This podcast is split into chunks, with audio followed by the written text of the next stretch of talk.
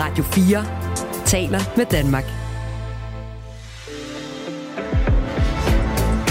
Velkommen til Mandat. Din vært er Pernille Rudbæk. Ja, velkommen til en uge i dansk politik, hvor en bestemt sag har kunne forene alt fra biskopper til fagforbund. Helligdag, de er med til at skabe samlingskraft i et samfund. Det her, det er alvorligt. Og rød til blå blok i massiv kritik. Det er altså politisk manipulation og hænge det fuldstændig sammen med Ukraine. Hvem bragte det ind til bordet? Hvem er det, som synes, at det her det er bare en rigtig, rigtig god idé. Ja, det er selvfølgelig sagen om helligdagen, der skal dø, der bare ikke vil dø. Og i dagens udsendelse, ja, der zoomer vi ind på årets første store politiske stormvær, som øh, for alvor blæser i retning af Socialdemokratiet. Det er rart at holde fri, men det er øh, vigtigt at yde noget mere, fordi vi skal betale noget mere for vores sikkerhed. Vi skal tale med en, der nu smækker døren til partiet i protest, og øh, så skal vi også tale med minister og ideolog Kåre Dybvad Bæk, og øh, få ham til at svare på den kritik, der bliver rejst. Endelig sætter vi også forholdet til fagbevægelsen under lup. Velkommen indenfor. Men Thomas Larsen, politisk redaktør her på kanalen, vi starter altså med en anden stor nyhed fra dansk politik, der ramte i går. Det har været øh, syv et halvt hårde år. Det har også været lærerige år. Det har været en, øh, en opgave, jeg har påtaget mig, fordi jeg synes, vi skylder at øh, ja, gøre, hvad vi kan for at passe på vores land og vores værdier. Men jeg har også fra begyndelsen vidst, at jeg ikke øh, havde det i mig at skulle sidde herinde og gro fast. Det har aldrig været et mål for mig at have en karriere som folketingspolitiker. Øh, det synes jeg, jeg har sagt ret klart fra begyndelsen. Ja, sådan lød det altså i går fra Pernille Vermund til TV2. Hun stopper som formand i Nyborgerlige efter næste valg, hvor hun øh, helt vinker til farvel til øh, Folketinget. Mange har allerede sagt, at det måske ikke var den helt store overraskelse, men havde du set det komme netop nu? Nej, det havde jeg ikke, Pernille, så på den måde, der må jeg bare erkende, at det er kommet som øh, en kæmpe overraskelse for mig. Det er jo klart, at øh, Pernille Værmund jo helt fra starten har gjort det klart, tindrende klart, at hun ikke ønskede at blive en levebrødspolitiker, og hun netop ikke ønskede at blive på Christiansborg øh, for tid og evighed, sådan som hun også siger i interviewet.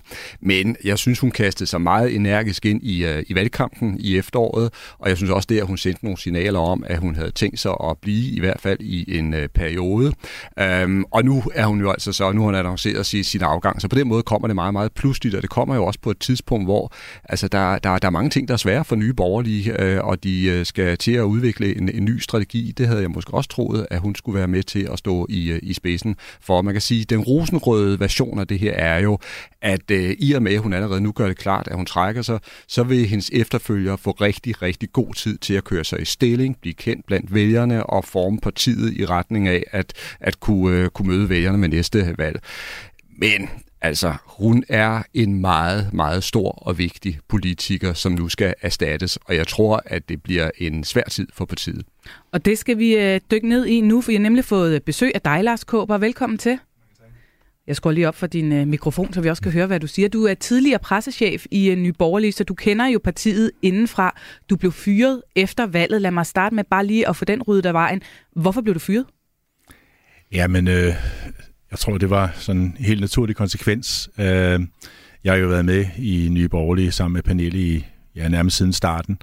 Og den strategi, som vi havde lagt, den så ud til at kunne lykkes og kunne give sådan 10-15 folketingsmandater. Det endte altså på 6.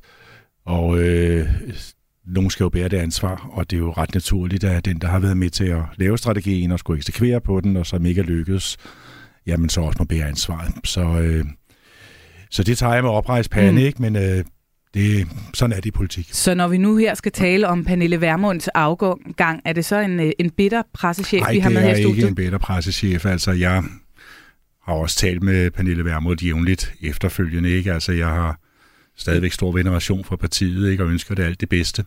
Ikke? Så, øh, så nu skal jeg bare lave noget andet. Har du talt med Pernille Vermund her, efter hun har taget den her beslutning? Ja, det har jeg. Jeg talt med hende i går. Hvad sagde hun? Ja, det var jo en personlig samtale, så det skal jeg jo ikke stå her og referere. Men øh, jeg var selvfølgelig nysgerrig, ligesom alle andre, om hvorfor at det kommer lige netop nu. Og øh, jeg sagde til Pernille, at øh, hvis hun havde ringet og spurgt mig på forhånd, jamen så ville jeg have rådgivet hende om at vente. Jeg mm. synes, at det øh, var for tidligt. Øh, der er ikke nogen af de borgerlige partier i den her nye opposition, som endnu har fundet deres ben. Der er ikke nogen, der har fået positioneret, så man ved ikke rigtig, hvordan pokker man nu skal agere i den her nye parlamentariske situation med en, en eller anden flertalsregering, hvor Venstre er løbet fra de borgerlige og et andet sted hen, og slet ikke nye borgerlige. Altså nye borgerlige havde i gang sat en øh, naturlig evaluering af valget efter Folketingsvalget, og derefter også en, øh, en, en strategiproces, hvor man så skal finde ud af, hvem er det, vi skal være et parti for, hvad er det for nogle vælgere, vi taler til, hvordan skal vi positionere os, hvad skal vi lægge vægt på, og hvem skal vi samarbejde med. Altså alt det der, som en politisk strategi skal indeholde, og den proces er hverken halvt eller helt færdigt. Og at øh, Pernille så vælger øh, lige nu øh, at smide takstokken for orkestret, jamen øh, det, det synes jeg er, er for tidligt. Altså det, en forkert beslutning? Øh, I hvert fald en for tidlig beslutning, ikke? fordi det øh, efterlader jo øh, alting svævende op i luften, og der er ikke nogen, der ved, hvor det falder ned hen. Hvorfor tror du så, hun har taget beslutningen netop nu? Altså, som Thomas også sagde, at øh, det har jo stået klart for os, der har fulgt med i Nye Borgerlige, i at øh, Pernille meget gerne ville have en slutdato på, hvornår hun skulle være professionel politiker og hun vil rigtig gerne øh, tilbage som selvstændig erhvervsdrivende og køre sin arkitektvirksomhed. Og det er noget, hun har stående foran sig som sådan et, et lys. Øh, og så tror jeg, at, og det er jo så det, som jeg så siger, en fejlslutning, at hun har ment, at når nu, at det alligevel er så svært at finde vores ben, og finder vi dem i det hele taget her i den nye borgerlige opposition inden for de nærmeste måneder eller halve år, er det så ikke bedre, at jeg bare tager beslutningen med det samme, og så overlader det til nogle andre. Altså det, øh, det, jeg tror, det er sådan helt banalt, øh, sådan hun, hun har tænkt og sagt, jamen er det ikke bedre nu end senere, fordi det skal jo være. Man kunne jo også øh, fristes til at tænke, at øh, en ting er, at hun har sagt, en anden ting er, at hun kan se, at det er lidt svært for Nye Borgerlige lige nu. Øh, den seneste meningsmåling, de ligger på 2,8 procent. Det er lavere end ved valget, som jo så betød, at for eksempel, at du måtte øh, forlade partiet. Kan det også være, at hun bare har læst skriften på væggen om, at øh, det bliver ikke specielt spændende at være i Nye Borgerlige den kommende tid? Altså nu er Pernille jo ikke den type, der, der siger nej til udfordringer og heller ikke til det svære liv. Øh, så øh, hun løber ikke af pladsen, fordi at det bliver for besværligt. Øh, men øh, det er rigtigt, at det er bestemt ikke let at finde øh, den rigtige strategi, som man som et lille nicheparti som Nye Borgerlige skal forfølge i denne her næste valgperiode. Øh, man har jo konkurrence fra Inger Støjberg, som har taget rigtig mange af, af de vælgere, som er systemkritiske og trætte af politikerne og føler sig afsondret fra, fra Parnasset. Øh, og man er også presset på den anden side måske lidt af, af et DF, som nok finder sine ben igen med en Morten Messerschmidt, som er fuld af energi efter, han er blevet frifundet. Mm. Og øh, i det der skisma med, om man nu skal være et protestparti for at finde de der Inger Støjberg vælger tilbage og gå over i den fløj, og så både skælde ud, ja, skælde ud på nærmest hele verden, og i hvert fald alle de andre partier på Christiansborg, eller om man skal prøver at forankre sig i en mere konservativ version af Nye Borgerlige, hvor man søger indflydelse og prøver at finde en parlamentarisk position, som man kan vokse ud fra. Jamen, øh, det der skisme, det er, det er rigtig svært at, at, at, få sat, øh, at få sat på skinner, fordi uh, i det ene, altså hvis man vælger den populistiske tilgang og siger, jamen der er en masse proteststemmer, og politikere, de er, dem er folk trætte af, og tilliden til de politiske institutioner er faktisk også forfaldende, jamen så er der et hav at fiske i. Mm. Øh, det man så kan sige, det tiltaler ikke Pernille Vermund, som jo har sagt i en del år, at øh, målet med nye borgerlige er altså at få trukket Danmark i en mere borgerlig retning. Og øh, det gør man altså kun, hvis man påvirker den offentlige mening og de andre politiske partier til at gå i, gå i samme vej. Og, øh, men på den anden side, så er der ikke den hurtige vælgergevinst i det det er en noget længere varende projekt at få det op at stå. Ikke? Så på den måde, så er der, der er ligesom to veje, som nye borgerlige nu skal vælge imellem. Skal man gå efter de der quick fix, og så fiske blandt øh, dem, som er meget utilfredse med det politiske system, og tale borgen og parnasset og de fine salonger midt imod, eller skal man øh, vende sig i en mere nationalkonservativ retning og sige, jamen, vi skal have et parti, som kan virke øh, også parlamentarisk at få skabt nogle resultater på sigt, men måske ikke lige her og nu, og så finde os i, at den opbygningsfase så bliver længere. Rasmus Kaiser han har skrevet på sms'en, er det ikke en gave for DF og Danmarksdemokraterne, at Pernille Vermund forlader dansk politik? Thomas Larsen, mener du det? Ja, det mener jeg faktisk, hvis jeg skal sige det sådan meget kort og, og kontant. Og jeg tror, at man sidder og gnider sig lidt i hænderne, både hos Danmarksdemokraterne og øh, DF øh, lige nu. Og jeg er fuldstændig enig med, med, med Lars i den vurdering, han kommer med. Altså, Danmarksdemokraterne har bare været en kæmpe udfordring for øh, nye øh, borgerlige. Øh, indtil Inger Støjberg for alvor kom på banen, der lå nye borgerlige jo altså rigtig, rigtig stærkt i, i meningsmålingerne og havde ligesom stadig en, en solid position. Men der må man bare konstatere, at øh, Inger Støjberg, hun kommer altså rullende rullende med en historik og et vælgertække og en øh, gennemslagskraft, som jeg tror kom bag på mange, ikke bare på nye borgerlige, men sådan set på store dele af det politiske system. Ikke? Og, og det var bare en konkurrent, der var, der var svær at, at takle. Uh, det er den ene side, og den anden side, som også Lars er inde på, det er jo, at øh, Morten Messerschmidt, øh, skal jeg hilse at sige, han har store ambitioner om nu at komme rullende frem. Altså, der er en ny gejst i Dansk Folkeparti, efter han er blevet frifundet, og det betyder, at vi kommer til at se en, øh, en uh, formand nu for DF, der vil arbejde døgnet rundt på at profilere DF og få det øh, genrejst. Ikke? Så kort sagt, mm. øh, konkurrencen er simpelthen hårdere, og så er det også helt rigtigt, som Lars er inde på, at der er sådan et grundlæggende skisma, som man står i i nye borgerlige lige nu. Og hvis jeg sådan skal sige det meget, meget kort, skal man sådan ind i maskinrummet, skal man søge indflydelsen, også være med til at lave nogle kompromiser, og, og på den måde altså blive et, et, et, et borgerligt parti, der også leverer nogle resultater, eller skal man måske kravle op på barrikaderne? Det er, det, det er stort valg. Det var også lidt det, du var inde på, Lars Kåber, de her to retninger, de skal mm. vælge mellem. Du har været med i, i mange år. Du kender partiet indenfra. Når du ser på den historik fra man blev valgt ind, til man voksede, til man nu befinder sig i en lidt sværere position, Hvordan vil du beskrive situationen øh, for nye borgerlige her nu, hvor Pernille Vermund har annonceret sin adgang? Er det en krise, partiet står i, eller hvordan ser du situationen? Ja, altså krisen er der også, selvom Pernille Vermund var blevet. Øh, det, det kan man ikke løbe fra. Altså når man øh, ligger dernede omkring spærregrænsen, så er et parti per definition i krise. Men man er også i en identitetskrise, fordi at man ikke har været nødvendigt at foretage det her valg, øh, så længe man havde Pernille Vermund. Fordi at øh, der var det nok, at Pernille var der med sin person og sin karisma og sine lederevner, og så sluttede folk op, og de kiggede på hende og sagde, hvilken vej går Pernille, så går jeg samme vej. Mm. Øh, når Pernille ikke er der, så øh, skal det defineres på en anden måde.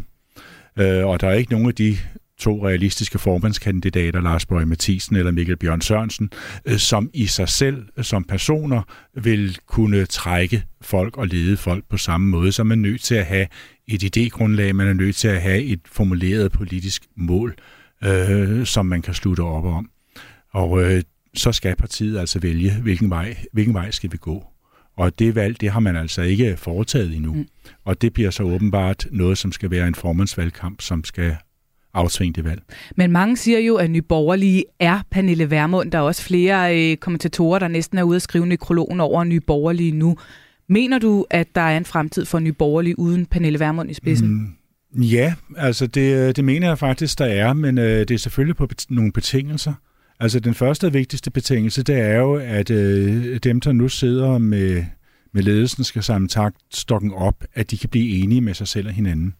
Altså hvis først de begynder at diskutere og være uenige, jamen så kører det skævt. Øh, alene det, at man faktisk på panelets opfordring nu skal ud i kampvalg, mener jeg kan være ødelæggende for partiet, fordi det vil efterlade partiet med nogle ar, som det ikke er robust nok til at Hvad at kunne alternativet være, at hun havde peget på øh, sin ja, efterfølger? det er jo det, en af grundene til, at jeg siger, at det er for tidligt, at, øh, at hun har taget den der beslutning, fordi at det udsætter altså partiet for stor risiko for at spindres. Og når det så skal samles igen, jamen så bliver det med dybe sårar, som er svære hele, og som kan trække partiet øh, ja, nedad i en spiral, i stedet for at skubbe det opad i en spiral.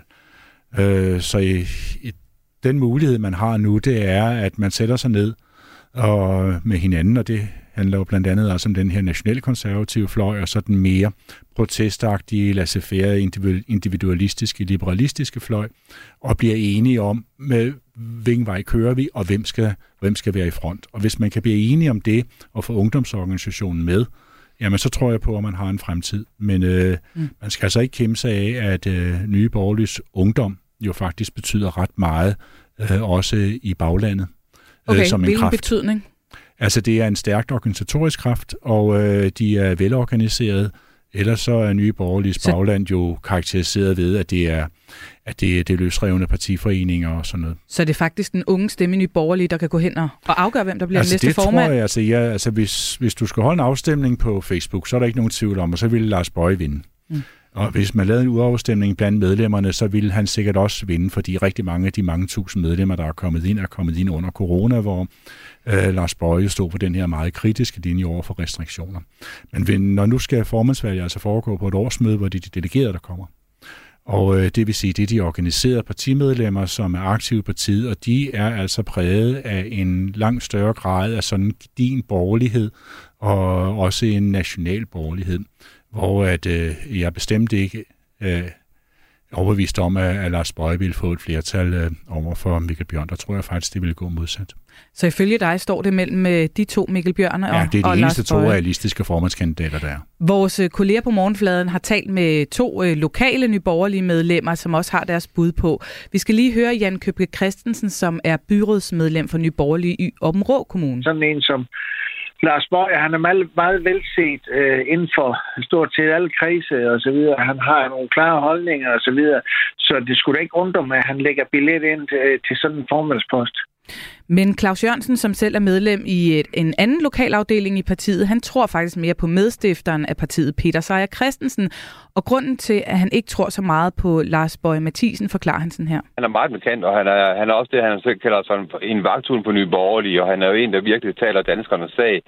Øh, Jeg tror, han, øh, han har fundet sin plads som, som, som den vagthund, han, han, han kalder sig selv. Jeg tror ikke, han har de ambitioner om at blive formand, som han, Lars Kåber, du kender jo også øh, Lars Bøge Mathisen. Tror du, han har ambitionerne om at blive ny formand? Det har han ikke luftet over for mig, og heller ikke, altså de, det har jo ligesom ligget helt fast, at det var Pernille, der var formand. Altså det er rigtigt, at, øh, at Lars Bøge har en rigtig stærk stemme som vagthunden, som øh, stemme for dem, som er meget frustreret over den vej, som dansk politik går, og i hele taget over for, for, for det politiske system. Øh, om han... Øh, om han ville kunne fastholde og samle et parti, som også indeholder stærke nationalkonservative øh, hvad hedder det, personligheder, det, øh, det kan jeg godt have mine tvivl om. Hvem mener du, pilen peger på, Thomas? Jamen, Det er klart, at Lars Bøje er jo den mest kendte, og den, der i offentligheden har den største gennemslagskraft. Men jeg synes, Larsen har fat i en meget, meget væsentlig pointe, som handler om, at de bliver simpelthen nødt til at lave nogle solide, holdbare kompromiser, fordi øh, ellers vil de simpelthen ikke være stærke nok til at løfte projektet. Nu har Pernille Vermund jo sagt, at hun bliver i partiet frem mod næste valg. Hvad, hvad bliver det for en tid for nye borgerlige? Hvor, hvor afgørende bliver den? Ja, det bliver selvfølgelig En afgørende for et hvert parti, som ligger dernede og roder. Altså, men så er hver valgperiode jo afgørende. Ja, det kan man sige. Ikke? Fordi hvis først man ryger ud, så kommer man ikke ind igen. Altså, det er, bare, altså, det er, det er der altså ikke ret mange historiske evidens for, at man kan. Øh, så på den led er det utrolig afgørende. Øh, men øh, det kommende halve år, mener jeg, allerede derefter, så vil vi kunne se, om øh, projektet holder, om det ikke holder. Altså de næste måneder øh, bliver, bliver helt afgørende. Hvordan håndterer man at få et formandsskifte, og hvordan håndterer man øh, det med at kunne finde sig en position, som man kan arbejde ud fra. Altså hvordan tilrettelægger man en strategi, som man selv tror på, og som partiet det kan finde en identitet i. Altså et, et nicheparti, som ikke har noget uden for sig selv, som er større end partiet, har ikke rigtig øh, nogen øh, eksistensmuligheder. Altså store magtpartier, de kan jo leve af personligheder, som øh, kan lave karriere i partiet og føre, føre partiet frem. Men øh, mindre nichepartier, de skal altså have en idé, som de bygger på, som ligger uden for partiet, fordi at målet med partiet er jo ikke, at det bare skal være større, for det bliver aldrig så stort, så det bliver et Mm. regeringsparti. Øh, så det skal være en idé, der bærer det. Og hvis ikke man kan få den idé sat meget lysende klart op på himlen, som en stjerne, jamen så ved folk jo heller ikke, hvad det er, at, hvad det er de går med i. Og den idé mangler nu. Og den er der ikke lige i øjeblikket. Nej, den er, den er væk. Vi må se, om uh, ideen den uh, kommer op på, uh, på himlen som en lysende stjerne. Tusind tak, fordi du uh, kom forbi, Lars Kåber. Jeg kan lige sende dig afsted med en sms fra vores lytter. Inger, hun skriver, hvor er Lars, uh, den tidligere pressechef for Nye Borgerlige, en sympatisk og lojal mand. Det er en fornøjelse at høre på. Så tak for besøget, Lars Kåber. Ja, selv tak.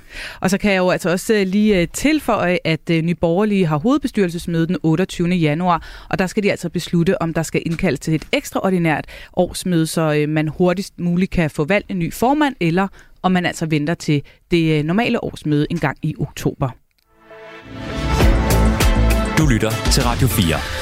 Og så kaster vi os ellers over sagen, der totalt har domineret den politiske dagsorden i det nye år indtil videre. Thomas Larsen, vi har set biskopper på barrikaderne, fagbevægelsen, økonomiske vismænd, og de har stort set øh, alle de folketingspolitikere, som ikke er en del af regeringen, har været enige om, at det er altså for galt, at man vil øh, afskaffe en helligdag. Hvorfor i alverden kan afskaffelsen af en enkelt helligdag fuldstændig overtage den politiske dagsorden?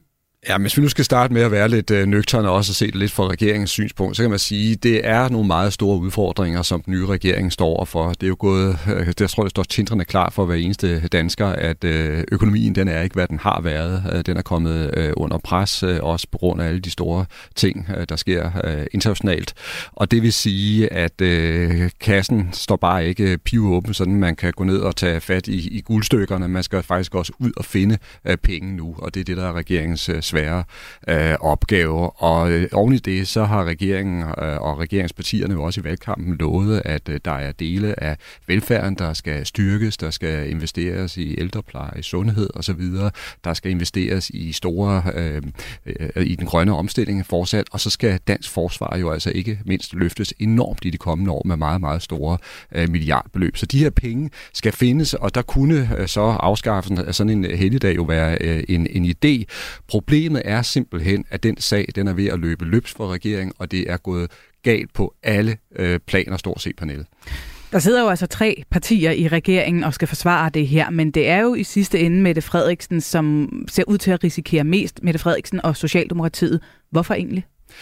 Jamen, det er jo fordi, det er Mette Frederiksen, der har været den øh, primære ambassadør for den her øh, idé for det første. Så jeg tror, det er hende, der øh, på mange måder tager øh, testene. Men det er jo også særligt farligt for Mette Frederiksen, det her, fordi hun jo er kommet i direkte kampolage med hele fagbevægelsen. Altså, timingen af det her forslag er ekstremt øh, uheldigt, fordi vi står netop midt i nogle meget, meget svære overenskomstforhandlinger, der i værste fald kan ende med en stor konflikt. Øh, og der har det virket helt vildt forstyrrende på de forhandlinger, at øh, regeringen har spillet ud med det her forslag. Og derfor har vi jo også set, altså, at en række af de store forbundsledere øh, altså, i den grad har protesteret mod regeringen og erklæret nærmest Socialdemokratiet krig her. Og en af dem, der har fået nok, vi vender i øvrigt tilbage til det her med fagforbundene lidt senere i udsendelsen, men vi skal tale med en, der har fået nok, øh, af lige præcis Socialdemokratiet. I går der kunne man nemlig i Kristelig Dagblad læse overskriften, jeg melder mig ud af Socialdemokratiet, og øh, den kom fra en historiker, forfatter og debattør, som ellers for bare få måneder siden var at finde i en socialdemokratisk kampagnevideo under valgkampen. Jeg hedder Michael Bøs, jeg er historiker, og jeg har en fortid som øh, politisk skribent for Berlingske og Jyllandsposten, og jeg er socialliberal og har engang mellem stemt borgerligt. Men øh, siden 2019, der har jeg stemt socialdemokratisk. Og nu er du med her i Mandat. Velkommen til, Michael Bøs. Tak for det. Hvorfor melder du dig ud? Jamen, jeg er skuffet over mit parti. Ja, ja, ja, jeg er stadigvæk socialdemokrat, men jeg er skuffet over den måde, øh, partiet har ageret i forbindelse med øh, forhandlingerne af det nye regeringsgrundlag. Hvad er du helt konkret skuffet over? Jamen, det som, der er flere ting, men altså, og jeg begrundet min, min øh, udmeldelse øh, med, med, med tre, tre punkter. Det ene, det er, at øh, det her spørgsmål om om øh, øh, sløjfningen af, af den her øh, storbededag, som jeg synes er problematisk af mange grunde, også de grunde, som allerede er nævnt. Altså det, det er en, en måde, hvorpå øh, regeringen trumler hen over den danske arbejdsmarkedsmodel, øh, som egentlig har, har undret mig meget, fordi øh, det, er sam, det er samtidig en model, som, som, som Socialdemokratiet øh, vil, adskillige lejligheder igennem det sidste år og gennem sidste årtier har forsvaret. Den anden grund, det er, at øh, man har lavet, og det er nok den, den væsentligste grund, og nok det, der var anledning til at melde mig ud, det er, at øh, man har bestemt at opgive at udflytte øh, de såkaldte velfærdsuddannelser til, øh, til fra de store øh, universitetsbyer til mellemstore byer. Og øh, det tredje, det er, at øh, det er forslaget om, at man skal nedskære kandidatuddannelserne på universiteterne. Så det er de tre grunde, som, som jeg nævner. Som alt i Øh, alt, og, øh, øh, Michael Bøs, alt i alt, når du lægger det her sammen, hvad er det så, der er problemet i forhold til, at du ikke kan se dig i Socialdemokratiet mere? Jamen altså problemet er, hvis man, man sidder som, øh, som, som medlem af partiet, så skal man også gerne kunne støtte, så skal man også gerne kunne være med til at acceptere, at der i forbindelse med forhandlinger et nyt regeringsgrundlag også skal være øh, indgås nogle kompromiser, og man skal søge, og, øh, søge et, et samarbejde, som det hedder i regeringsgrundlaget også. Men der er bare nogle punkter, og der kan være nogle sager, der kan være så store, så man føler, at man kan ikke kom, gå på kompromis med sine egne overbevisninger. Og nu har jeg så igennem rigtig mange år øh, arbejdet meget for øh, inden for blandt andet bestyrelsen af Balance Danmark for at få et mere balanceret Danmark. Og en af de ting, som vi har virkelig arbejdet for, det var, at der ikke bare bliver udflyttet statslige arbejdspladser, men, først, øh, men også uddannelsespladser øh, til til provinsen, så at sige, ud af de store øh, øh, universitetsbyer og ud til de mellemstore byer. Det er utroligt vigtigt, hvis man skal have et afbalanceret Danmark, også økonomisk, socialt, at der er, øh, at der er uddannelsespladser. Og øh, selvom øh, regeringen vil fortsætte med sin plan om at øh, udflytte øh, uddannelsespladser fra universiteterne, så har man så her skrottet øh, de såkaldte velfærdsuddannelser. Og det synes jeg er et meget klart signal om, at man prioriterer de store byer frem for resten af landet. Under valgkampen, der øh, deltog du jo ellers i en kampagnevideo for Socialdemokratiet. Vi skal lige prøve at høre et klip mere fra, fra den video. Noget af det, der fik mig selv til at gå over og stemme socialdemokratisk, det var, at jeg så konsekvenserne af de såkaldte reformer, som øh, blev gennemført øh, under forregeringen. altså reformer som kommunalreformen, domstolsreformen, politireformen, som faktisk tømte byer, provinsbyer, blandt andet den øh, i det område, hvor jeg selv bor, for, øh, for statslige og offentlige ansatte. Det var simpelthen en katastrofe for Danmark. Du øh, har fortalt mig, Michael Bøs, at det var kampagneledelsen i Socialdemokratiet, der bad dig om at lave den her video, fordi at øh, man var bange for, at der kunne forsvinde nogle vælgere over til Moderaterne, og så kunne du være et, et godt værn mod det, fordi du egentlig var ret kritisk over for Lars Lykke Rasmussen, men men da videoen kom, så var Lars Løkke Rasmussen jo så klippet ud, måske fordi man ikke ville træde ham for hårdt over og tagerne. Når du sidder her i dag og, og ser, at man rent faktisk er gået i regering med, med Lars Løkke Rasmussen, øh, og du har lavet den her kampagnevideo fra partiet, føler du dig så lidt snydt? Nej, snydt ville være et forkert ord. Jeg sagde snart sige skuffet og overrasket, fordi øh, jeg fik jo øh, netop at vide, at man ønskede, at øh, en video, som ja, bremsede den der øh, vælgerflugt fra Socialdemokratiet til, øh, til Moderaterne, som man, som man noterede i partiet der de sidste uger før valget, så øh, man var udmærket klar over i partitoppen, at det, som jeg skulle sige, det var blandt andet, at jeg skulle komme ind med en kritik af, af, af Moderaterne, og jeg skulle komme ind og gøre opmærksom på, at at Moderaternes øh, grundlægger og formand jo havde været den, der havde været mastermind blandt de, øh, bag de store centraliseringsreformer i nullerne, øh, som, som her også bliver nævnt i, i videoen. Så jeg mente, at det var en helt klar øh, aftale, og det var helt, helt klart øh, Socialdemokratiets ønske, at man skulle sætte ind der, og man skulle bekræfte sin, øh, med sin øh, loyalitet over for den aftale, som, han, som man havde indgået med en række mange partier i Folketinget, ikke mindst Venstre, om at man skulle øh, implementere en aftale, som er indgået i 2021 med udflytning af velfærdsuddannelser.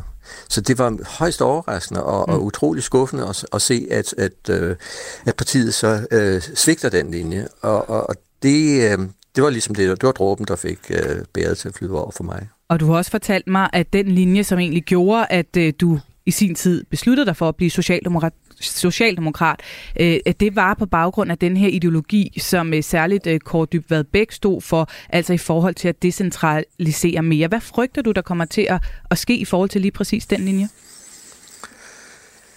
Jamen altså, jeg havde jo, jeg har i to øh, valgperioder støttet øh, Socialdemokratiet, og så øh, kom jeg til at spille en, en forholdsvis stor rolle i øh, under coronakrisen, fordi jeg fortsat med at, og, og, øh, i kronikker og kommentarer i, i medierne med at forsvare den socialdemokratiske regerings politik. Øh, jeg skrev også en bog, som egentlig bakkede op om, om, om den socialdemokratiske linje. Den linje, som jo netop var karakter, som, som Mette Frederiksen stod for, og ikke mindst øh, Kåre Dybvad Bæk øh, støttede. Jeg var øh, fuldstændig enig med Kåre Dybvad i at de bøger, han skrev om udkantsmyten og, og den kreative klasse. Og øh, øh, det var jo sådan en linje, som man kunne sige, Mette Frederiksens linje, det var en, der var forholdsvis borgerlig, når det kom til sådan det store værdipolitiske spørgsmål, men, men, men også var venstreorienteret, når det galt øh, øh, den socialpolitikken og den økonomiske politik. Og det harmonerer egentlig meget godt med mig, og det, det udgangspunkt, jeg havde for at, at, at støtte Socialdemokratiet.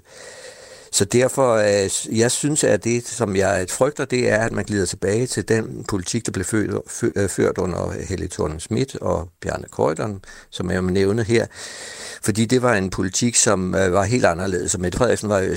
øh, øh Mette Frederiksen tog også afstand fra, fra den øh, linje, som egentlig er sådan en kombination af en, øh, Ja, det man, altså, er udtryk for det, man kalder den tredje vej, som egentlig er øh, en, øh, en, en teknokratisk politik som er blottet for, for, for ideologiske øh, værdier, øh, som øh, ønsker, at det først og fremmest gælder om at sikre Danmark økonomisk i fremtiden, sikre det, der hedder øh, konkurrencestaten, og så kommer en masse andre hensyn mm.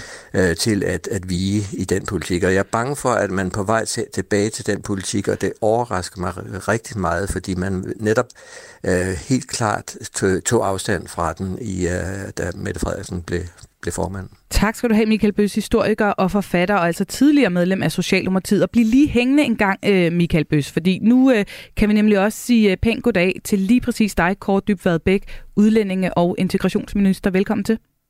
Tak for det. Du øh, har jeg hørt ringede jo faktisk til Michael Bøs, da du havde læst, at han havde besluttet sig for at, at melde sig ud af Socialdemokratiet. Hvorfor det? Nå, men det gjorde jeg, fordi at øh, jeg synes, at Michael har nogle gode analyser af, hvordan vores land udvikler sig, og nogle betragtninger, som jeg også tit selv har brugt, og derfor øh, var jeg jo ærgerlig over, at han meldte sig ud. Øh, og jeg tror, at jeg i hvert fald sådan gerne i hvert fald ville høre, hvad det var for nogle ting, som, som sådan lå til grund for det.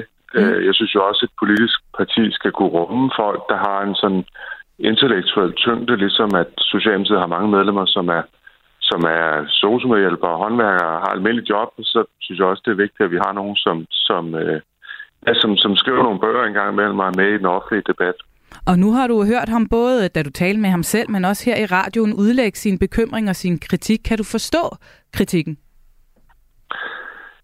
Jamen, jeg kan godt forstå noget af det. Øh, for eksempel kan jeg jo godt se, at når man sidder på et universitet og har en historie i forhold til øh, kandidatuddannelser, så kan det virke meget indgribende, at man går ind og laver øh, øh, som siger, øh, forkortelser. Men, men jeg tror, det er vigtigt at sige, at, altså, at det er jo noget, som er anbefalet fra blandt andet den kommission, som var nedsat til at kigge på uddannelserne. Der er jo nogle rigtig gode rationaler bag, så uanset, ligesom på alle andre områder, når man laver noget, der, der rammer det, man selv er i til daglig, så, så tror jeg, der er mange, der måske lige stusser over det, og også nogle gange er uenige i det, men, men jeg synes, det er vigtigt at sige, at der er nogle rigtig gode argumenter bag, mm. øh, og jeg tror, at vi får et bedre uddannelsessystem, øh, når vi får gennemført det. Men kritikken er jo større end øh, som så i forhold til at få kort øh, kandidatuddannelser. Han nævner også, øh, at I ikke udflytter de her velfærdsuddannelser. Han nævner afskaffelsen af Stor Bededag, og så siger han, at man grundlæggende har besluttet sig for at føre en øh, teknokratisk øh, regering, som er blottet for ideologiske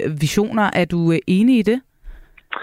Nej, det, det er jeg ikke enig i. Og det første, jeg vil sige, det er, i forhold til, til velfærdsuddannelserne, altså, så er det jo sådan, så der er en stor del af de uddannelser, at nogle af dem er allerede oprettet. Man kunne søge ind som jordmor, for eksempel i Slagelse her øh, i sommer, så man kunne søge ind som bioanalytiker mm. i Jøring. Øh, der er flere af dem, der, øh, der også er på vej, men, men det er jo også vigtigt at sige, at for eksempel, hvis man tager den midtjyske region, som Michael jo også kender rigtig godt, øh, så, så skal man jo passe på med at oprette uddannelsespladser til lærer. For hvad... Jamen, lad, mig bare lige gøre argumentet færdigt, fordi hvis du, hvis, du, hvis du i Aarhus for eksempel, hvor der er flere, der gerne vil være lærer, end der er pladser, fjerner pladser, og så opretter man et sted, hvor man måske er svært ved at få folk til at søge ind, så gør det jo, at vi forstærker et andet problem, vi har i samfundet, som er mangel på skolelærer ude i vores skoler. Og, og der synes jeg, at det er rationelt nok at sige, øh, måske skal vi ikke alligevel begrænse antallet af læreruddannelsespladser i Aarhus. Øh, sådan som, som vi har sagt som regering nu. Men Kåre Dybvad, hvis vi lige skal hæve øh, diskussionen op på et højere niveau end, end de enkelte øh, punkter, men den her samlede kritik af, at øh, noget af den ideologi, som i sin tid fik ham ombord, den føler han, at I har forladt. Øh, anerkender du ikke, at I ved at gå ind i den her brede regering har forladt noget af den ideologi, som du også stod på i forhold til decentralisering og mere rent socialdemokratisk måde at føre politik på? Jeg vil sige, men det sidste har du ret, øh, og, det, og det er sådan set reelt nok, at vi havde et flertal i sidste valgperiode, som var som vi lavede rigtig meget god politik på, som blandt andet inkluderede Dansk Folkeparti, der havde 16 mandater på det tidspunkt, og de har fået færre mandater denne her gang. Øh, og det gør selvfølgelig, at der er nogle færre muligheder for at føre den type politik. Men det er jo, det, det er jo de kort, som, som vælgerne øh, har givet os. Vi reagerer sådan set på det. Det ville jo være mærkeligt, hvis vi lavede en, regering med andre partier, og så ført den samme socialdemokratiske politik. Det tror jeg måske ikke, de andre ville sådan til sig helt tilfreds med, og, og sådan set heller ikke acceptere. Men i forhold til alle... Det, men, men at det skulle være ideologiforladt, det er jeg uenig i. Men... Jeg mener, der er, en meget, der er en meget stærk ideologi i at sikre en afbyråkratisering af den offentlige sektor, sørge for, at velfærdssamfundet er til stede lokalt, at man har større indflydelse på sine lokale velfærdsinstitutioner, at vi ruller nogle af de regler tilbage, som gør, at små kommuner har svært ved at overholde den, øh, den lovgivning, som der er i dag. Altså, det er jo også en, det tror jeg er den øh, bæredygtige, langsigtet næste kamp i forhold til decentralisering. Det handler om, at små kommuner, Langeland, Stævns, Lembi osv., at de også øh, reelt er i stand til øh, at træffe lokale beslutninger og have et aktivt demokrati lokalt. Og der synes jeg, at den her regering har ret meget at byde på. Men mener du, at der er kommet mere eller mindre øh, decentralisering øh, med den nye regering i forhold til, da I var bare en socialdemokratisk regering? Jamen, der er kommet mindre af det, som Michael også kritiserer, som er øh, konkrete flytteplaner på, på altså for eksempel uddannelser. Men øh, jeg mener, at den næste store kamp i forhold til decentralisering, i forhold til at sikre bæredygtige lokalsamfund lokalt, den handler om, at vi har et uddannelsessystem, som i højere grad også bygger sig på for eksempel erhvervsuddannelser, som jo i Vestjylland, hvor Michael kommer fra, der jo Øh, en meget høj procentdel i mange kommuner, som tager erhvervsuddannelse, men vi kan også se, at der er nogle udfordringer med det.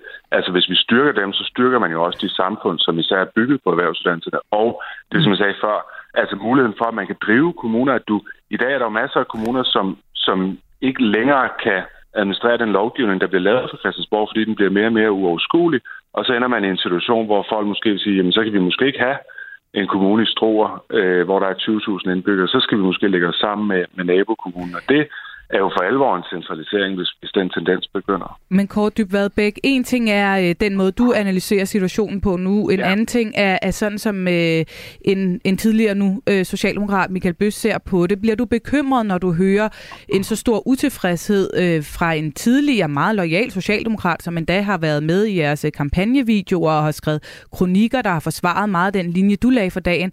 Bliver du øh, bekymret øh, for, om, øh, om, om det her det kan have konsekvenser for jer som parti? Nej, jeg er ærgerlig over, at Michael melder sig ud, og det er jo heller ikke, der er jo også andre folk, der har skrevet til mig og sagt, øh, hvad sker der nu med det og det i forhold til regeringsgrundlaget? Og sådan tror jeg, at det vil være, når vi går fra at have en ren socialdemokratisk regering, hvor vi kan sige, starten af, hvad vores klare holdning er, det er jo den fordel, vi har haft i en ren socialdemokratisk regering. Så kan vi sige, det her det er vores udgangspunkt, og så kan vi lave en forhandling, hvor vi så ender med, sammen med Venstre eller sammen med øh, Dansk Folkeparti og sammen med nogle andre partier, og få et endeligt resultat. Men hvis man, og det er det, som selvfølgelig er vores opgave at overbevise folk om, og det håber jeg på, at vi kan, og det kan også godt være, at vi ikke er dygtige nok til det. Men hvis man ser samlet set over en valgperiode, så hvad er det for et forhandlingsresultat, man ville kunne have fået, hvis man havde siddet med en ren socialdemokratisk regering og skulle lave aftalerne hen over midten, så mener jeg, at det her regeringsgrundlag sådan set rimeligvis afspejler, hvad der ellers ville kunne være blevet vedtaget i sidste ende. Men det er klart, regeringsgrundlaget er noget andet, end det, som vi som socialdemokratisk regering havde, havde, øh, havde spillet ud med til at starte med. Michael Bøs, du har, du har lyttet med her. Hvad tænker du, at du øh, beroliget over det, som øh, Kåre Dybvad Bæk siger her? Jamen, jeg synes altid, at Kåre han udtaler sig meget fornuftigt øh, om de her spørgsmål, og jeg fornemmer også, at han, at han beklager, at, øh, at, at man må droppe en meget vigtig øh, del af den aftale, som man har indgået. Men øh, det er altså en af grundene til, at man nok har, har besluttet at ikke udflytte de her øh, velfærdsuddannelser fra, fra de store byer, fra universitetsbyerne, det er, at der også er stærke kræfter i de store byer, øh, som ønsker at beholde dem.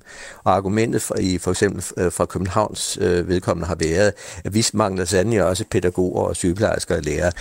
Ja, det gør de, men øh, det gør vi sandelig også ude i de forskellige provinsbyer i Danmark, og en af grundene til, at de når, måske ikke øh, kan få de lærere og sygeplejersker, som de gerne vil have, det er måske, øh, at det er blevet så dyrt at bo i København, så der er ikke nogen af dem, som har råd til at bo der. Øh, og, og så samtidig er der jo rigtig mange af de, øh, de provinser, provinsbyer, som allerede har uddannelses, uddannelser i forvejen. De har jo brug for at, ligesom at styrke deres uddannelsesmiljø, og så, der netop, så de netop bliver tiltrækkende for de unge. Og det er utrolig vigtigt, at der kommer de her velfærdsuddannelser ud, for hvis vi skal kunne tiltrække produktionsvirksomheder og beholde vores produktionsvirksomheder, for eksempel i, Jylland, men også på, i store dele af Fyn, så er det jo vigtigt, at der ikke bare kommer universitetskandidater derud, som er interesseret at komme derud. De kommer kun derud, hvis der de også ved, at der, at der er sundhedsfaciliteter, at der er børneinstitutioner til deres børn, og der er lærer på skolen. Så det, de to ting hører sammen. Man kan ikke skille, mm. man kan ikke bare sige, at det er jo fint, vi får de udflyttet de her universitetsuddannelser. Man skal også velfærdsuddannelserne. Michael Bøs, tror du, du øh, kommer tilbage til Socialdemokratiet igen? Jamen, det får vi jo se. Uh, vi får jo se, hvordan det udvikler sig, hvordan partiet udvikles. Så om, om, om, om uh, vi får også se, hvor længe det var, den her regering. Jeg tror nok måske også, at der er et problem for Venstre, fordi Venstre gik jo også ind i den her aftale, mm. og de står jo og mister stemmer til Danmarksdemokraterne og, og, og, og Dansk Folkeparti, fordi de pludselig kan se her en sag, som vi kan få gavn af. Kåre Dybvad Bæk, kommer du tilbage til Michael Bøs, eller om han kommer til jer? jeg, jeg, jeg vil gerne komme hen til Michael Bøs i Holstebro, hvis, hvis han byder på kaffe. Men, men, men jeg håber at Michael, han, jeg håber at han, øh, ja, at han øh, slår koldvand i blodet og øh, følger med i, hvad der konkret sker. Ser på, øh, hvordan går det med ja, både de her uddannelsesplaner, og hvordan går det med, med den, øh, den større øh, medbestemmelse, som vi ønsker, man skal have lokalt, både over velfærdsinstitutioner, men også i de enkelte kommuner, og så øh, efter... Øh, når den her regering på et tidspunkt øh, ikke længere er der, han så tænker, at det var måske alligevel ikke helt galt det hele. Jeg håber, I får en øh, kaffeaftale i kalenderen i Holstrebro eller Holbæk, eller hvor I skal mødes. I hvert fald øh, tak, fordi I var med begge to, Kåre Dybvad Bæk og Michael Bøs. Det er tid til, at dansk politik gør, hvad der er bedst for familierne, ikke hvad der er let for staten. Et stærkere Danmark, en grønnere fremtid, en friere verden. Med regeringsmagten er kun til låns. Vi er i fuld gang med denne uges mandat her på Radio 4, som altså er gået fuldt ombord i debatten om Socialdemokratiets krise, og som jo udspringer hele den her debat om afskaffelsen af helligdagen. Og øh, debatten, ja, den er ikke mindst blevet en ømtålig sag på grund af stemmer som de her. Det er simpelthen uansvarligt, øh, fordi det er noget af det, der blandt andet får uroen til at ulme ude blandt medlemmerne, og det er nærmest sådan et kogekar, af, af utilfredshed med øh, ikke at finde ud af, hvad pokker sker der konkret her. Og jeg håber rigtig meget på, at, øh, at regeringen, de, selvom de nu har stået og sagt, at øh, det holder de fast i, at de alligevel tænker sig om en rigtig, nu siger jeg, en, en gang mere.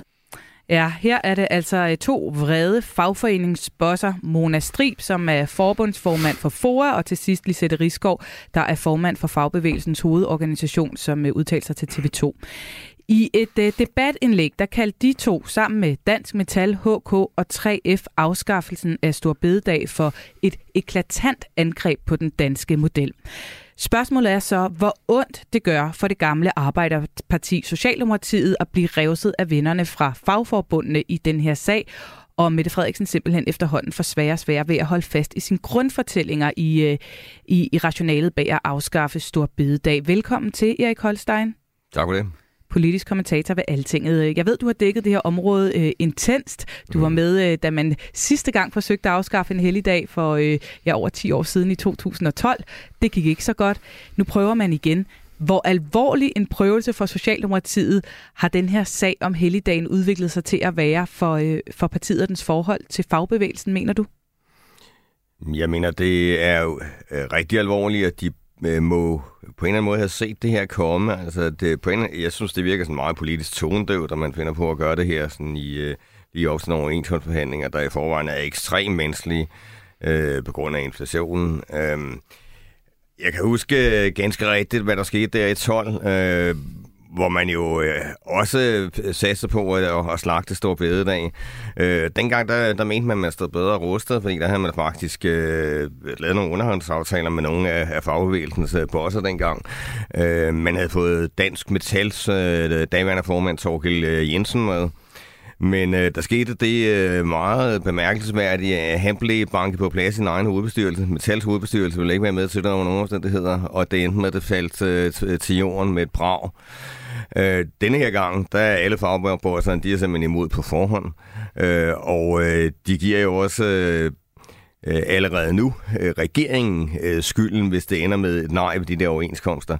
Så jeg mener øh, på alle måder, at man har bevæget sig ind i et utroligt farligt farvand. Prøv lige at sætte et par ord på forholdet mellem fagbevægelsen og Socialdemokratiet, hvis vi skal prøve at forstå den krise, som der kan udspille sig mellem de to parter. Altså fordi, er de øh, så tætte, eller er det i virkeligheden to meget øh, separate størrelser, hvis man skal sige det sådan i dag? Klart, du ser historisk på det. Så øh, var øh, Socialdemokratiet og, og fagbevægelsen øh, altså helt anderledes tætte. Altså, det var jo nærmest et med nogle af de store fagforbund. Ikke? Man var repræsenteret i hinandens øh, centrale organer, og øh, det var jo almindeligt anerkendt, at øh, den øh, gamle SV-regering, der tilbage 40 år tilbage, at øh, den reelt blev likvideret af LO's øh, daværende formand af Thomas Nielsen. At, at dengang var man så stærk i LO, at man øh, mere eller mindre kunne diktere Socialdemokratiets politik på visse områder. Sådan er det jo ikke i dag. Altså, øh, partiet, partiet er, er jo løsredet for fagbevægelsen og omvendt øh, på en helt anden måde. Men derfor er det stadigvæk utrolig vigtigt, at man øh, har øh, tæt kontakt øh, til fagbevægelsen. Øh, det er vigtigt i forhold til sådan nogle øh, banale ting, kan man sige, med hensyn til at blive sponsoreret ved valgkamp. Fagbevægelsen ved, ved, finansierer jo en pæn del af Socialdemokratiets valgkamp, men det er sådan en ting. Men det er jo lige så meget i forhold til at, at, øh, få nogle aftaler om samfundsudviklingen generelt. Altså hvis det der forhold øh, til fagbevægelsen for alvor går på grund, øh, så bliver det langt mere besværligt på Socialdemokratiet. Og skal man være opmærksom på en ting mere, det er også, at, at øh, Øh, der var jo nogle år, hvor øh, Socialdemokratiet øh, var sådan ret enerådende i fagbevægelsen, efter at, at, at venstrefløjen brød mere eller mindre sammen efter den kolde krigs overfører. Men sådan er det ikke mere. Altså, så enhedslisten er begyndt at stå ret stærkt i dele af fagbevægelsen, og det kan blive stærkt generende for dem på Socialdemokraterne, hvis de ikke tager hensyn til det. Vi skal lige prøve at høre endnu et klip fra Mona Strib, altså formand for FOA, øh, som sagde sådan her i øh, vores morgenradio for et par dage siden. Jeg har en øh, ikke bare kraftig appel, men faktisk et krav til regeringen om, at vi lige kom godt fra start med en øh, veje trepartsinstitution, hvor parterne tager del i at finde løsninger på den kæmpemæssige udfordring, vi har med at skaffe det nødvendige arbejdsudbud, så ser at komme i gang og få indkaldt os, så vi kan få drøftet også så stort og vigtigt et spørgsmål. Ja, det øh, hun ønsker her, det er jo, at man ligesom i 2012 inddrager fagbevægelsen i det her spørgsmål om at afskaffe helligdagen hurtigst muligt, og ellers jo nærmest en lille trussel om at gøre livet besværligt for regeringen i alle de mm. store spørgsmål, de står med i forhold til at skaffe arbejdskraft nok.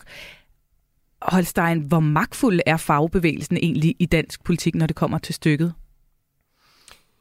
Jamen, de er jo meget magtfulde på, på øh, bestemte områder. Altså lige præcis her er de jo magtfulde, fordi hvis det... Så er det en alvorlig trussel, øh, hun kommer med her?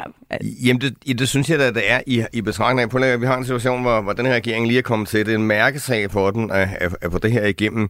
Altså, øh, ender det her nu med, at vi kommer i, øh, i, den, øh, i en, en stor konflikt, ikke for, for første gang i, hvad er det, 24 år øh, her til foråret? Øh, Øh, og alle peger fingre af regeringen øh, siger, altså, hvad, hvad er det, I har rodet ud i? Det er jo fuldstændig vanvittigt, og nu øh, skal vi igen øh, miste øh, en masse øh, arbejdsdage på det. Statsfinanserne kommer til at lide skade, og, og øh, folk bliver konkret generet af sådan en konflikt. Altså, det er jo den dårligst tænkelige øh, øh start for sådan en regering. Så her og nu, der må der sige, der, der har fagbevægelsen der virkelig en klemme på regeringen. I HK, et andet fagforbund, der har man lavet en rundspørg blandt sine medlemmer, som Jyllandsposten har bragt. Øh, på spørgsmålet om, om det er i orden at afskaffe stor bededag, der svarer 85 procent nej, 11 mm. procent ja, 4 procent ved ikke. Risikerer vi, at øh, når de kommer dertil, at de skal stemme om den her overenskomstforhandling, at det kan blive en afstemning om stor bededag i virkeligheden? Ja, det kan der meget vel. Øh, nu er der nogle partier, der snakker om, at der skal være sådan en folkeafstemning omkring øh, Stor Bededag, og det øh, er der ikke stemmer til i, i, i Folketinget. Det bliver ikke sådan noget. Men der er jo nogen, der siger, at vi får altså en folkeafstemning alligevel, netop i forbindelse med overenskomsten.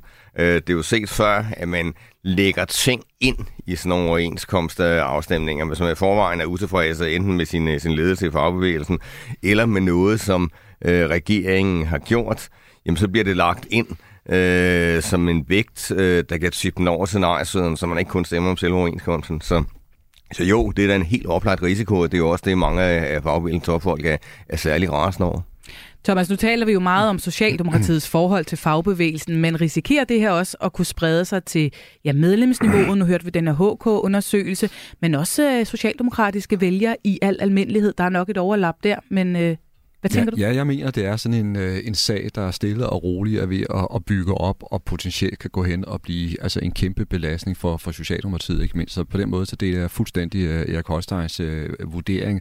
Og jeg må også bare sige, når jeg ser på forløbet, jeg synes simpelthen, at uh, regeringen er kommet uh, snublende ind i det, og har begået fejl på fejl på fejl. Og det starter jo helt tilbage med, at uh, Mette Frederiksen laver den her meget, meget direkte og også alt for forsimplede kobling mellem, at hvis vi fjerner helligdagen, ja, så får vi penge til at opruste, og han er så kunne øh, klare Putins øh, Rusland. Ikke? Mm. Øh, og den kobling, altså den, den er, undskyld at sige det, manipulatorisk, fordi så simpelt øh, er det jo ikke. Det er jo ikke sådan, at en krone for hele dagen går direkte til, at vi kan styrke dansk øh, forsvar.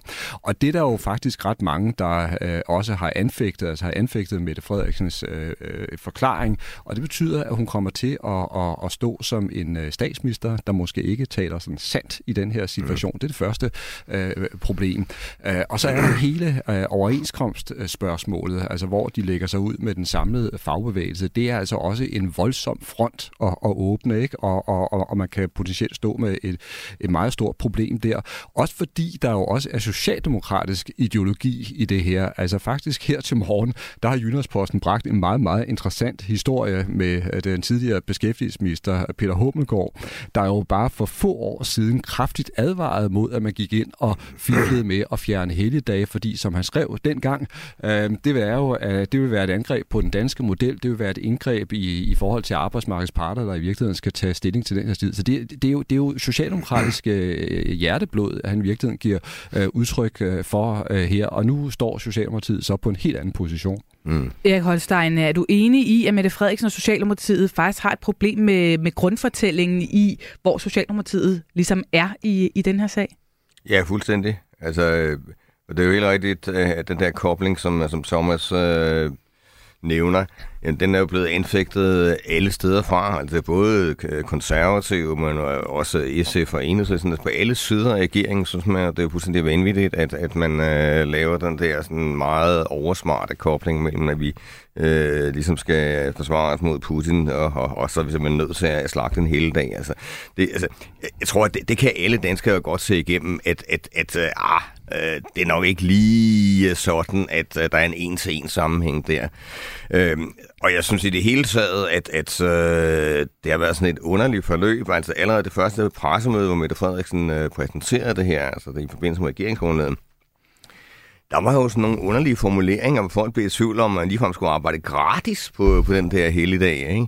Øh, det gjorde at, at man kom endnu mere op i det røde felt. Så øh, det, det virker sådan underligt øh, uforberedt, øh, og øh, øh, Altså, man kunne fristes til at tro, at det er noget, Socialdemokraterne var blevet presset ind i, men så vidt jeg har forstået, er det ikke sådan. Altså, det, det er noget, de, øh, de selv har været offensive omkring det her. Altså, de selv har foreslået det? Ja, sådan har jeg forstået det. Og det Hvorfor i alverden? Fordi de kender jo godt fag for fagbevægelsen. Ja, til synligheden, fordi de mener, at alternativerne for dem er værre. Altså, hvis de skal ind og røre ved efterløn eller, eller Arne pension eller noget af den stil der. Men øh, det bliver øh, mm. noget, som de meget hurtigt kommer til at fortryde. De kommer til at fortryde, tror du, de kommer til at fortryde så meget, at de kommer til at bakke på det, eller kommer de til at stå fast? De kommer til at stå fast. Hvorfor? Altså, ja, fordi at øh, de har givet hinanden håndslag på det i regeringen. Øh, det er jo så et af problemerne faktisk ved at have en, øh, en samlingsregering, der også er en flertalsregering på den måde der. Fordi hvis det bare var en socialdemokratisk mindretalsregering, så kunne man sådan bestikke situationen, og øh, temperamenterne blev øh, kogt for meget op. Men det kan man ikke her. Her er man nødt til at sige, okay, vi har lovet de andre partier sådan og sådan, øh, og øh, vi øh, må stå fast på det, uanset hvor meget det koster. Er du enig, Thomas? Ja, jeg tror simpelthen også, at man vil anse det for at være et alt for stort prestigetab. Altså hvis man, øh, hvis man lægger det i, i graven nu, så på den måde, så tror jeg, at det kommer til at køre sin øh, skæve gang, havde jeg nær sagt. Øh, men det er klart, at hvis rejsescenariet bliver til virkelighed, som øh, Holstein taler om, altså en stor konflikt, og det er regeringen, der får skylden, og især Socialdemokratiet, der får skylden, så har Mette Frederiksen altså fået en svær start, for nu at sige det mildt. Og hvor lange skygger kan det her kaste ind i forholdet til fagbevægelsen? Ganske, ganske kort, Erik Holstein. Jamen, det kan kaste rigtig lange skygger. Altså hvis øh, de synes, at det er Socialdemokratiets skyld, at det endte med nej med nogle overenskomster, der ellers kunne have kørt igennem, øh, så er det noget, der kommer til at øh, kaste skygger mange år frem. Og med det når vi ikke mere mandat i den her runde. Tak fordi du kom, med Erik Holstein, og var med os. Så tak. Meget tyder på, at politikerne for alvor vender tilbage næste uge. Thomas Larsen, hvad skal du holde øje med? Ja, der kommer Mette Frederiksen til at for alvor begynde for, at fortælle om sine planer, så det bliver spændende. Øh, der går, øh, kan man sige, det politiske øh, år her sådan for alvor i gang. Tusind tak, fordi du lyttede med derude, og fik du ikke lyttet med fra start, jeg satte bare ind og find det hele som podcast i Radio 4's app. Vi lyttes ved.